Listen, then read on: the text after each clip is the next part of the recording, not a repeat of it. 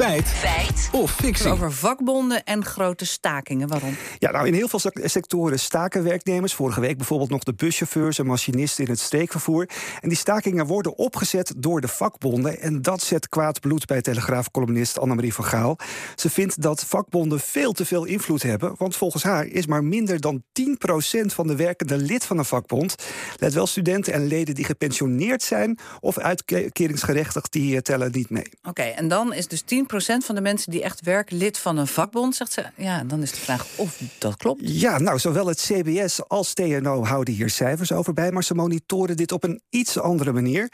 Uh, we legden deze uitspraak van Annemarie van Gaal eerst voor aan CBS-hoofdeconoom Peter Hein van Mulligen.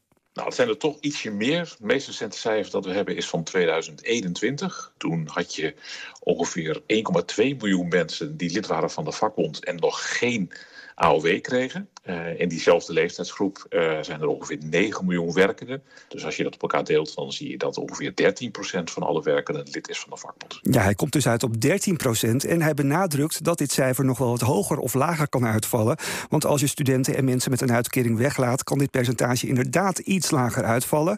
Maar ZZP'ers zitten bijvoorbeeld ook in de beroepsbevolking. En als je die eruit zou filteren en alleen mensen meetelt die in dienstverband zijn, ja, dan zou het percentage weer fors omhoog gaan. Maar Van Mulligen die komt dus uit op die 13% En TNO dan? Ja, we legden de column van Vergaal ook voor aan TNO-onderzoeker Wendela Hoofdman. En dit is haar reactie. Nee, dat komt niet overeen met wat wij zien. Wij zien wel dat er niet superveel mensen lid zijn. Maar als ik naar de resultaten van de Nationale Enquête Arbeidsomstandigheden kijk, de NEA...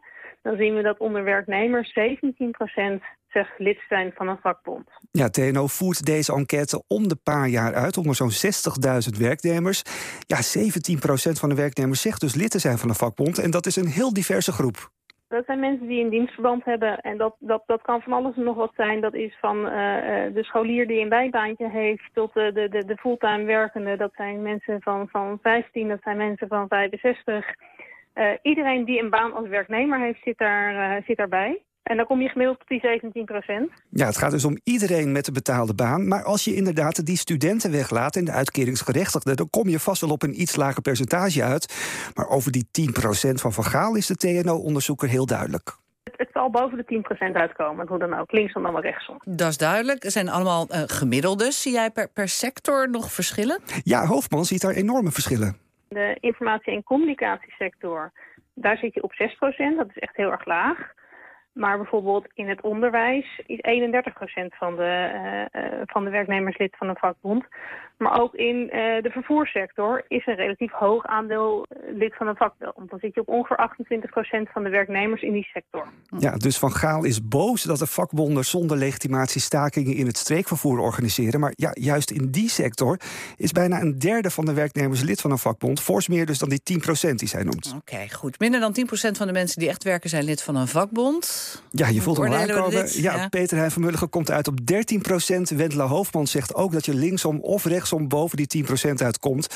Dus de uitspraak van Verhaal is fictie.